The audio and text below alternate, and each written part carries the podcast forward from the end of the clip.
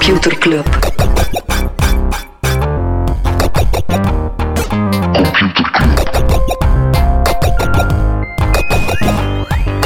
Computer Club. Hey Smolly, Hey Freddy, welkom, welkom terug. welkom. Welkom bij Computer Club, een wekelijkse podcast over technologie. Iedere aflevering selecteren Freddy en ik een interessant artikel en presenteren we een feitje. Ik heb die voel dat mijn welkom terug anders gezegd dan dat ik hem man normaal Oei, zeg. Ja, Het weet robotje is gebroken. Vreemd, vreemd, vreemd, vreemd. Freddy, waar gaan we het niet over hebben deze week? Eh, de, eh, dit is goed, hè. De Oostenrijkse ex-vice-kanselier. Wauw, wat een Ja. titel. Wat een titel. Ehm, die man is enerzijds ontslaan door eh, corruptie, maar eh, nu blijkt dat hij een eh, eh, probleem had. Hij spendeerde maandelijks 3000 euro aan Clash of Clans in-app purchases. Zalig. En hij stuurde daarvoor de factuur naar de partij. Hoe, hoe breng je dit in godsnaam bij als onkost? Ja, dat is goed, hè? Ja, dat is bol. Eens dat het begint met Learning and purchases. development budget. Voilà. Top, zalig. Waar we het niet over gaan hebben is Quibi. We hebben het daar ooit wel over gehad. In aflevering 62, ik ben even terug gaan opzoeken. Dat is opgericht door Jeffrey Katzenberg, eh, de ooit topman van DreamWorks. Een soort eh, Netflix, maar voor heel korte video's. Ja, dat was toen, dat jij, toen, dat we het had- toen dat jij het had over alle nieuwe soorten Ja, films. ja, en, ja. eh, Ja, dus die hebben nu op CES in Las Vegas meer plannen uit de doeken gedaan. Ze hebben ondertussen 1,4 miljard opgehaald. Het gaat op 6 april lanceren en het zal 8 dollar per maand kosten of 5 dollar met advertenties. Maar voor meer uitleg over wat dat precies is, aflevering 62. Dus het is eigenlijk zo wat hoge productiewaarde voor short-form ja, content. ja, ja, Cool. ben benieuwd. Ehm, Google Search. Ja, Eh, na een boete van de Europese Unie, of Europese Commissie, eh, is Google nu verplicht om op Android alternatieven aan te bieden voor de search engine. Dus als je nu een nieuw kun je Android-telefoon Bing gaat... er ook op zetten. Eh, wel, nee. Dus het was een soort eh ehm biddingsysteem, Mhm. waarop dat er vier plekken verloot werden aan de hoogste eh, pay-to-play. Dat is weer zo geen kans geven aan kleine spelers. Ja, dus dat Ja. is eigenlijk een beetje de kritiek van het, kan mogelijk veel veranderen, want Mhm. eh, denk aan wat Microsoft ooit moest doen met Internet Explorer. Zonder die beslissing hadden we waarschijnlijk nooit zo'n populaire Firefox of Chrome Mhm. gehad. Dus het is wel heel belangrijk. De logische winnaar, DuckDuckGo, hebben het voor heel veel landen, want het is per land kan je bieden. DuckDuckGo heeft dat voor heel Het veel landen cool dat die gehaald. dat budget dan hebben om erop te kunnen Eh, maar de andere twee België zijn info.com en Quant. Wat? Nog nooit over Ik Quant, is blijkbaar iets Frans. Ehm, dus de kritiek is wel een beetje van, ja... Dat is goed. raar dat Microsoft niet zegt, van wij gaan hier volop onze Bing proberen Ik opzetten. denk dat zelf Microsoft weet dat Bing niet werkt. Oké, misschien zo Yahoo nog met altijd. Alright, nog non-nieuws? Eh Picanol ligt plat door ransomware. Picanol, een West-Vlaams bedrijf dat vooral met weefgetouw bezig is. Liggen, Zeer groot bedrijf, ja, eigenlijk. ja, Zo. echt 1500 werknemers eh, las ik, die tot het einde van de week gewoon thuis zitten, doordat er eh, hackers daar zeggen van, we leggen de boel plat. Ja, dus iemand heeft op zijn online loterij mailje geklikt. Ja, of iemand heeft gezegd, ik heb gezin om te gaan werken, ik ga gewoon hier intern de boel plat leggen. Hé, maar dat is tricky, hè. Ik heb er eh, een keer een, een longread over gelezen in Wired. En de, ja, je kunt zeer veel beveiligen, Mhm. maar de zwakste schakel Ja, de blijft hè. mensen. Hè. Dus ehm, hey, wat- boeit de mails van de democraten je- die gehackt je zijn. als je bedrijf gehackt wordt? Of zo ransomware wordt gewoon zegt van, betaal me zoveel bitcoin of... een Hebben we, dat niet, hebben we dat niet al een keer ge- eh, gehad over die... ehm, dat was een NotPetya, denk ik. Dat was ook zo Mhm. die worm die Ja, ja. volledig eh, grote bedrijven... En die was toen Maersk, die grote container shipping. Ehm, de- je hebt zoiets als domain controls, wat bepaalt wie dat op welk systeem kan inloggen. En dat zijn een aantal keys dat je moet hebben om Mhm. in het geval van een hacking ja, die systemen terug kunnen herstellen. En ze hadden toen ontdekt dat er in Nigeria ergens een computer was die niet op het internet zat, waar dat ze de keys konden op terugvinden. Ze hebben die meteen uit de stekker getrokken. Er is toen iemand speciaal naar daar gegaan onder grote beveiliging om die keys te gaan halen. En het is enkel daardoor dat ze die volledige IT kunnen recupereren hebben. Crazy. Ja, wat ging hij zeggen van democraten? Hij zei democraten, Ah democraten. ja, dus die, uiteindelijk zijn er de mails ooit gehackt van Ja, ja. de Democraten. Was uiteindelijk ook gewoon de, de, de fractieleider van de Democraten die geklikt heeft op een phishing mail. Ja. Die zei van, ah, reset hier je Google-paswoord. Heeft dat gedaan en voilà. Crazy. Zo simpel kan het zijn. Eh, over moeilijk te hacken. Eh, de FBI wil terug dat Apple een aantal iPhones opent. Ze hebben dat een aantal Ja. jaar geleden gevraagd. Toen heeft Apple nee gezegd. En eh, Toen was er grote... gezegd? Wat? Hebben ze nu al een... eh, Natuurlijk hebben ze nee gezegd, Oké. ja. Het gaat er meer bepaald over een shooting eh, in een naval station ergens vorige week moet het zijn. Amerika. En de, eh, ja, en dus nu wil de FBI terug dat Apple de beveiliging van iPhones kraakt. Maar Apple zegt, ja, nee, eens dat we één keer doen, eens dat er zo'n Ja, ja, soort tuurlijk. Dan heb je key bestaat, ja, dan voor is heel die encryptie naar de zakken. En dan nog het laatste, de nieuwjaarsbrief van Zuckerberg. Ah, wat stond er deze keer in? Eh, eigenlijk exact hetzelfde als de andere jaren. Maar nee, want Hij vroeger, deed hij zelf ook beu aan het worden, want hij is- vroeger heeft hij nog een keer Chinees proberen leren. ja, en dan heeft hij uiteindelijk geleerd dat hij beter met zijn platform zou bezig zijn. Dat is waar. Dus hij heeft gezegd, ja, ik, ik verwacht voor het volgende decennium, want hij gaat het niet meer elk jaar doen, maar elk decennium, want hij is nu Aansteller. bezig met de toekomst.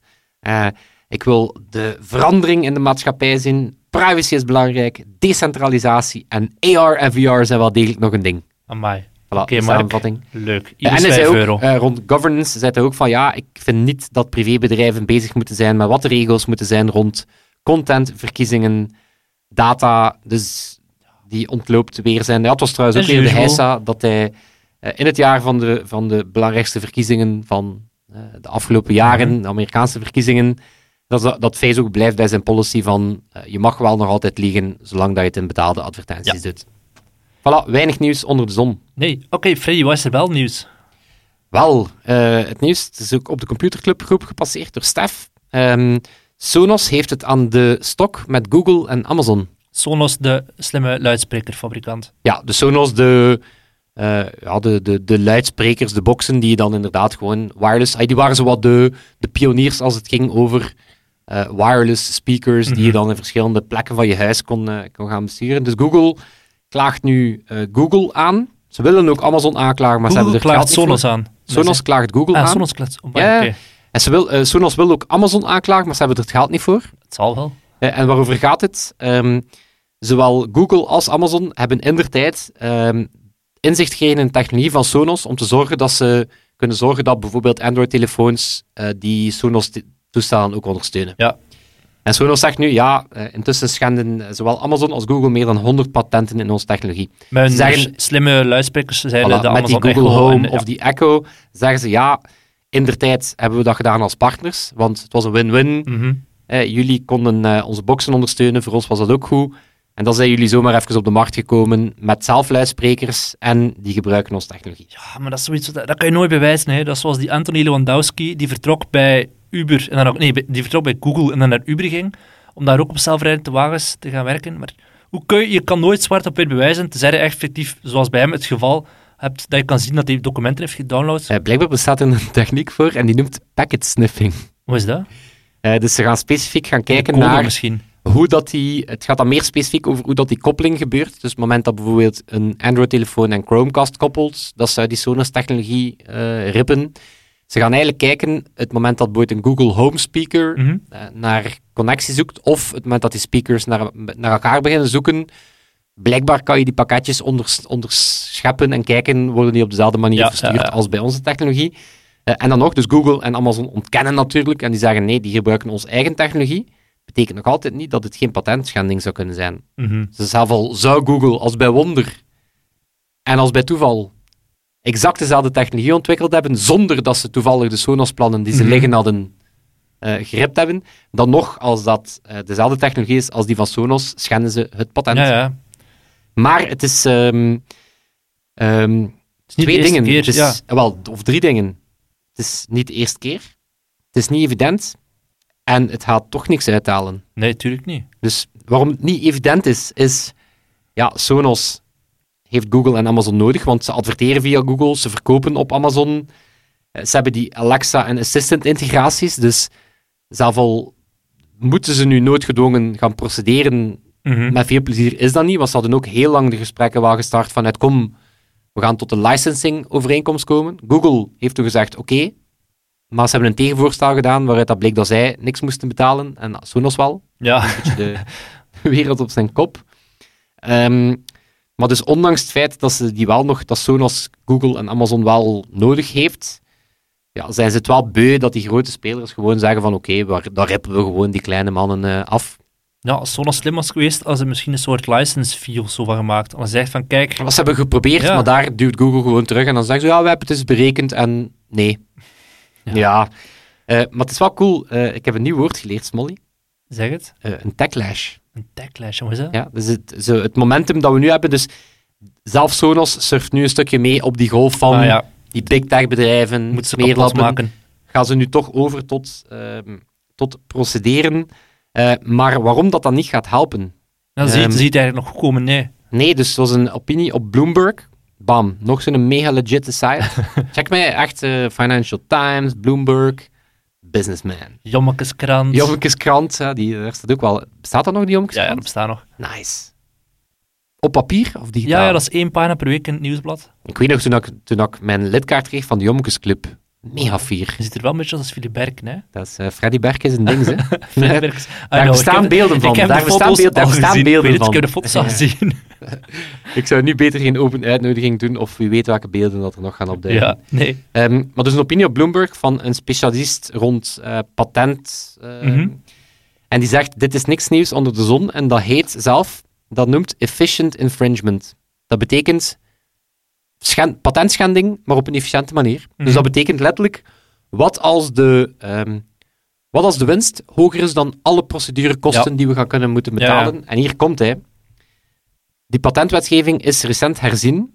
Ehm, want vroeger was het te makkelijk om een patent ehm, om mensen aan te klagen wegens patentschending. Je had dan zo van die pat- patent trolls. Die zeiden we kopen wat bedrijven met patenten. En dan kon ik tegen jou zeggen: ah, je schendt mijn patent. Betaal mij nu of al je producten mogen niet meer verkocht worden. Mhm. Daar heeft dan de Supreme Court tegen ingetreden en gezegd van oké, ja, dat is, dat is ook niet houdbaar. Dus nu is er een veel langere periode dat je kan procederen. Je moet veel meer aantonen, je kan veel meer... ehm, eh, ja, je, je moet dat veel beter gaan, gaan aantonen dat het wel of niet zo Mhm. is. Je kan daartegen procederen. Dus ergo, nu gaat er waarschijnlijk een periode van drie, vier, vijf jaar in, Ja, ja. waarin dat Google en Amazon, dus ze procederen zelf niet met Amazon, want ze hebben er al het geld niet voor. En Google heeft een leger aan juristen en zo. Voilà, dus die gaan die rit gewoon uitzetten. En hier komt hij. Zelf al wordt die patent, hè, wordt, dan, wordt er dan geoordeeld van ja, Google Mhm. schendt de patenten van Sonos. Dan betalen ze daar gewoon voor.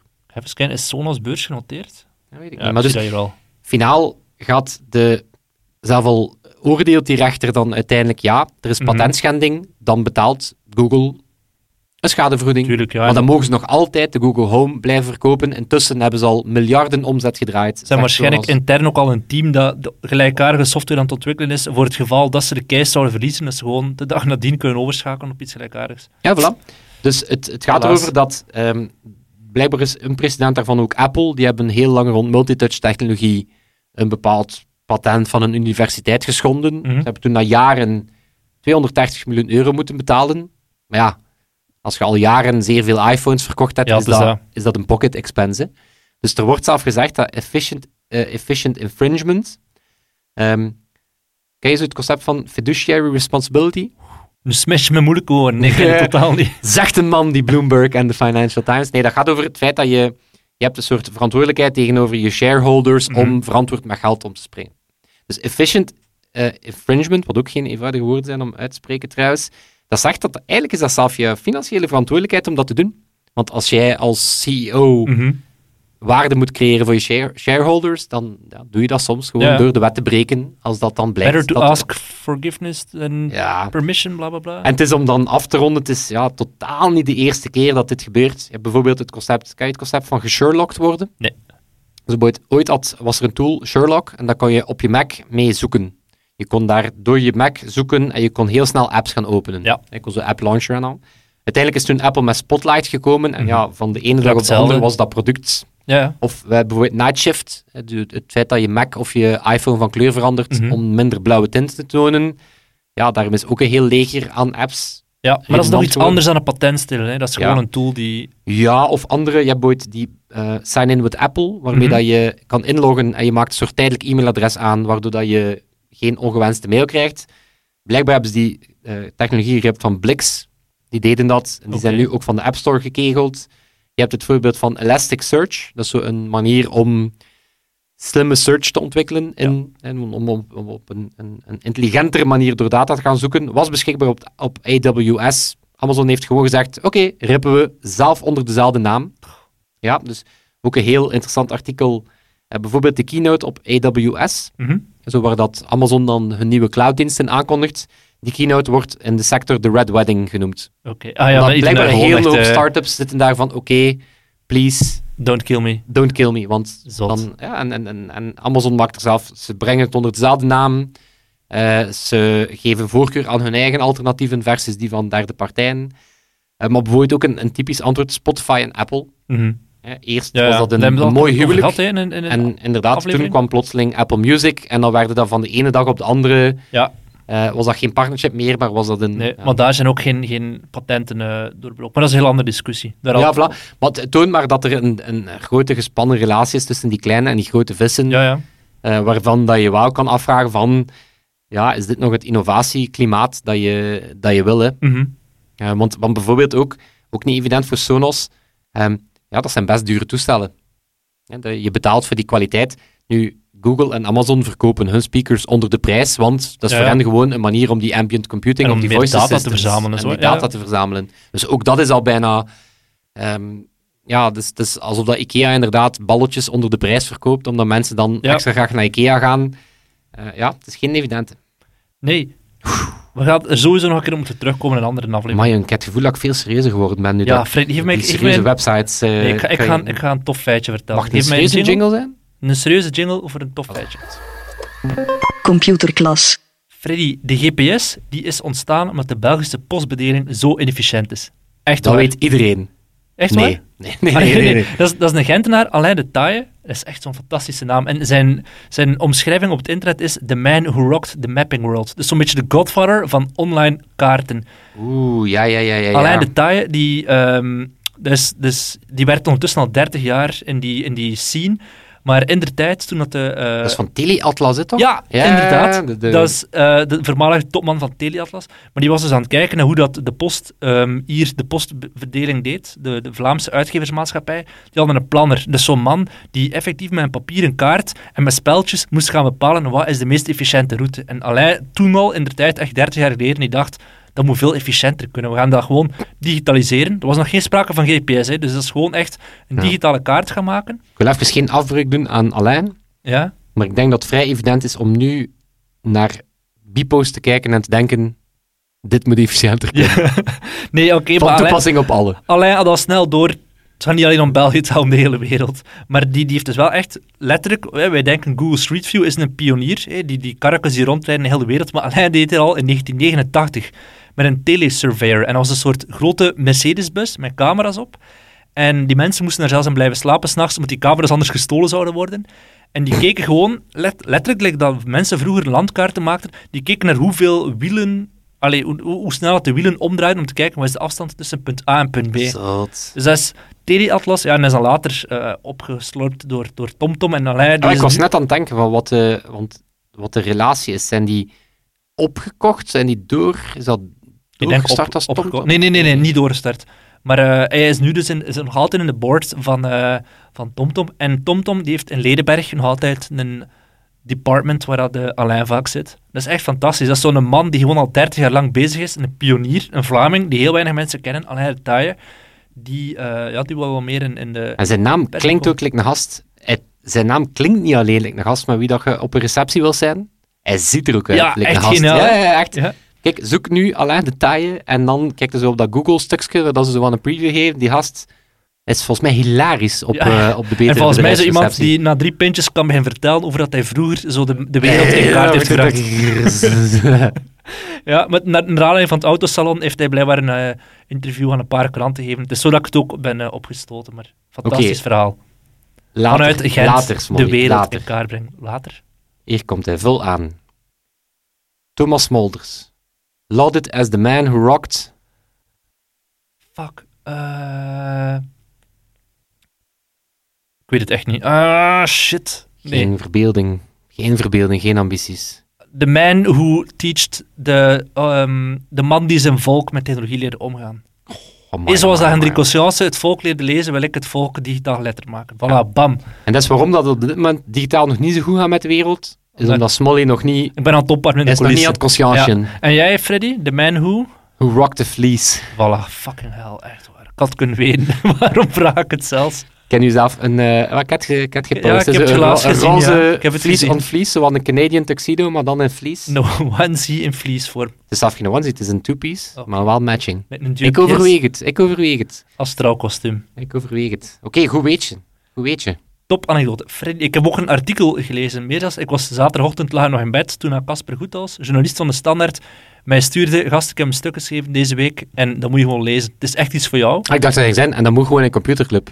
Nee, dan, dan niet. Ik, ik vond het nadien, ik heb het al gelezen en het past gewoon perfect in Computerclub. Het is een interview met een man, Jonathan Ledgard. Ik had nog nooit van hem gehoord. Ehm, en denk heel weinig mensen, behalve de mensen die het artikel gelezen hebben in de standaard. Is een van de spannendste denkers van het moment. En miljardairs als Bill Gates en, en heel veel andere mensen in de wereld, die kijken wel naar wat dat hij aan het doen is. Want hij is wel met coole dingen bezig. En Jonathan die was journalist voor The Economist, onder andere. En die kwam dan heel vaak zo in vluchtelingengebieden en in het Midden-Afrika en zo. En die besefte dat, dat en die wilde daar iets aan doen. Hè. Die was zelfs als journalist, net zoals Casper, als je Casper een beetje kent, heel sociaal geëngageerd. Dus eh, enerzijds beseft hij, kijk, er zijn mensen in Afrika, in heel kwetsbare regio's. Die mensen hebben het heel moeilijk, die hebben heel weinig geld. Maar tegelijk heb je net in die regio's heel veel fauna, heel veel dieren, van giraffen tot olifanten, tot neushoorns, die binnenkort met uitsterven bedreigd gaan zijn. En hij dacht, heeft zijn job opgegeven als journalist, is wetenschapper geworden, is beginnen werken met technologie en heeft gedacht, wat als we die twee kunnen combineren? Wat als ik een soort project kan maken die ervoor kan zorgen dat enerzijds die arme mensen, vooral in Afrika... Ja, ik zie het. Dus gepakt die, inderdaad, gepakt die olifant met hun ivoren slagtanden. Die olifanten gaan toch uitsterven. Dat is een feit. Die ivoor is superveel waard. Ja, nee, je slacht die olifanten en je verkoopt die ivoor. Wel, dat wil hij dus proberen vermijden. Hè, dat die olifanten door voorspelbare redenen zouden uitgestorven raken. Hij heeft een project gelanceerd, project Linnaeus. En Linnaeus dat is dan vernoemd naar, ik weet niet of je ooit hebt opgeleid in de biologieles, de Zweedse bioloog Linnaeus, die zo die theorie had ontwikkeld van kruisbestuiving van plantjes en zo. Ja, ja. ja. Wel, dus daar is zijn ding. De Zweedse botanist heeft project Linnaeus genoemd naar die event. Maar hij zegt, uh, Jonathan Ledgard zegt, ja, de mens is van nature biofiel. wij, wij vernielen het klimaat misschien wel, maar als de merkende diertjes, die, ja, je ziet nu in Australië, iedereen ja, doneert geld puur voor de koalas, niet omwille van de bosbrand, of oh, mensen zijn hun huis verloren. Vooral ook eerlijk zijn, een verkoolde koala is wel echt een van de hardste beelden dat, dat je kunt... Uh, ja, een huis dat platgebrand wordt, who cares, koalas... Ja. maar hij zegt dus ook van daar wil hij op inspelen. Los daarvan, ik wil nu geen afbreuk doen aan de koala. Mhm. Koala-beren zijn blijkbaar wel echt klootzakken. Agressief, hè? Die zijn, die zijn echt ja. super cuddly uiterlijk, maar blijkbaar zijn echt eikels. Ja, die hebben klauwen en zo. Dan nog verdienen ze het niet. Oké. Oké, sorry. Kijk nee. dus hij zegt, even een project gelanceerd, waarbij dat hij die twee combineert. Enerzijds mensen die arm zijn, anderzijds de dieren die aan het uitsterven zijn. Hij zegt, wat als er een abonnementservice komt dat wij in het Westen en mensen die wel geld over hebben, dat we ons kunnen abonneren op die dieren. En dat we die zo kunnen redden en tegelijkertijd die mensen kunnen steunen. Ik ga het even uitleggen. Ja, dus ik ben inderdaad... Het, ik zoek het subscription model nog. Er zijn, er zijn drie stappen. Eén is, je gebruikt artificiële intelligentie om in kaart te brengen wat dat de gevaren voor een bepaald dier zijn. Enerzijds kan je bijvoorbeeld zeggen, we gebruiken computer vision beelden van, van het oerwoud om te kunnen zien, uh, er komen stropers aan van daar, of het water dreigt daar op te raken. Alle verschillende dingen, die, uh, alle gevaren worden in beeld gebracht.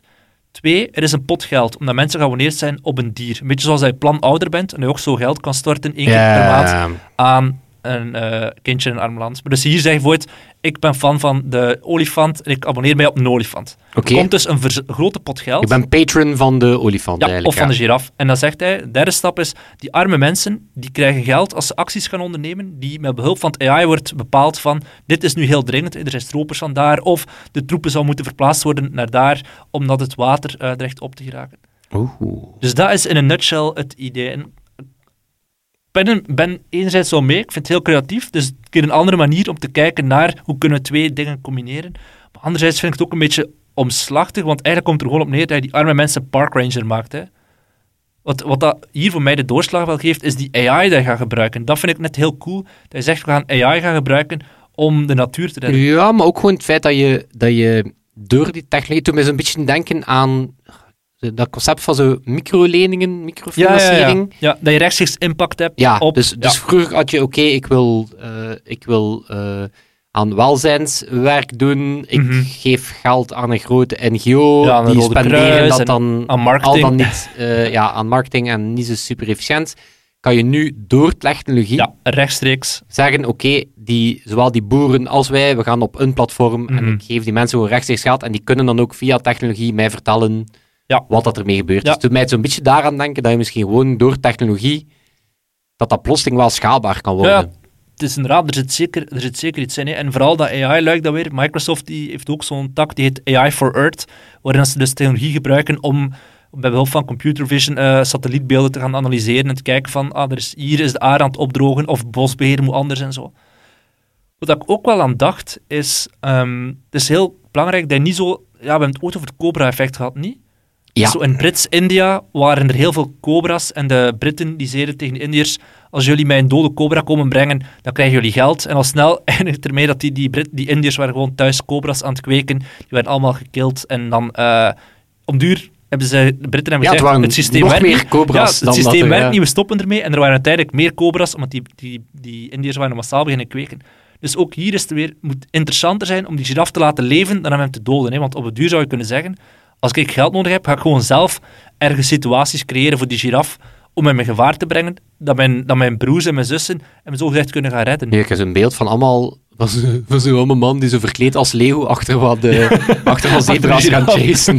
Dan, hoe lang moeten we nou doen voor het algoritme? Is geld al binnen? Zijn, zijn ze er al? Is de satelliet boven ons? Ja, kom, Ja. snel. Oké, maar dus, aan. als ik het goed begrijp. Nee. Ja. Ik ga op, wat is het, Linnaeus? Ik sponsor daar een bepaald dier, Mhm. waarmee dat ik eigenlijk zeg, ik, eh, ik investeer in het voortbestaan van dat dier. Mhm. En dan wordt eh, door een combinatie van mensen ter plekke en technologische Ja, sturing. sturing, wordt er eigenlijk gekeken hoe dat, dat geld Ja. het meest Het meest efficiënt, inderdaad, meest efficiënt benut wordt. Het, het is heel cool en vandaar, ik vind het heel cool dat er, dat er zo'n groot stuk met hem in de krant is verschenen. Jonathan Ledgard, ik had nog nooit van hem gehoord, helaas, ik zou hem meer moeten opzoeken. Maar het is een beetje zoals Elon Musk eh schaal, hè, van we gaan hier gewoon niet, niet één stadje redden, maar gewoon het voorbestaan van eh, de fauna in, van de Oké, wereld. Smolly, welk dier zou jij sponsoren? Welk, voor welk dier is Smolly de, De patron? vogelbekdier. Het vogelbekdier. Ik vind dat zo'n cool beest. Is, dat. is het een vis? Is het een zoogdier? Het is een zoogdier. Maar toch, het is de max van een beest. En jij? De honey badger. Honey badger. Wacht. De honingdas. Ah, ja. Wa Zoek hem, op, zoek hem op en dan gaat je denken, oh, Oh, dat die ziet er schattig uit. Dat is nee, nee, dan gaat je denken, die ziet er schattig uit. Maar je is ook gewoon grijs De aan. honey badger is het meest agressieve beest ter wereld. Ja, ik zie zelf, hem hier de slang aanvallen. zelf, elk, de honey badger geen natuurlijke vijanden. I kid you not. Die, die, ieder dier, zelfs een gigantische leeuw, is bang van de honey badger. Maar Dus ziet er zo agressief uit. Het is een Tasmaanse duivel. geld is totaal... Ik, ik, ik, ik rendeer op de honey badger. Ik Ik sponsor krijg die. geld terug. Ik sponsor die, die valt mensen aan, die steelt geld. Ik word alleen maar rijker. Ik en de Honey Badger wordt een... eh, Een match made in heaven. Nee, nee, de, echt, de, de voor mensen die de, die, de, die de Honey Badger niet kennen, is een, eh ja, dat is, eh, dat is een smeerlap. Ja. Hier, ik zie hier al een artikel. Waarom de Honey Badger het rijkste beest uit het dierenrijk is. De wombat vind ik ook de max. Dat weten mensen ondertussen wel al. Die heeft... eh, Why are honey badgers so aggressive? Ja, wie weet dat. Wist je van de wombat dat hij kakt in een eh, kubusvorm? De kak van een wombat is een kubus. Maar gast. Echt waar. Oké, maar kijk, tot, zover, tot zover deze crossover Wij gaan nog wat- een, eh, wat rare dieren opzoeken. En, eh, die, en, het, en Beestenbos is boos. Fantastisch. Voilà. Dan gaan wij enkel nog ons beest, Sebastiaan, bedanken. Welk beest zou Sebastian zijn? En dan doen we de groetjes aan Toon, die in Australië zit, wat wel edgy is. Dat is toch ook wel een beetje als een wombat, hè? Volgens mij, wel- volgens mij kakt... Toon is het rijkste dier van het dierenrijk. Ja. Die gaat gewoon op dit moment naar Australië. Dan is zot. Oh, een beest. Oké, en dan zal het met jullie zijn. Tot volgende week. Tot volgende week. Yo. Computer Club.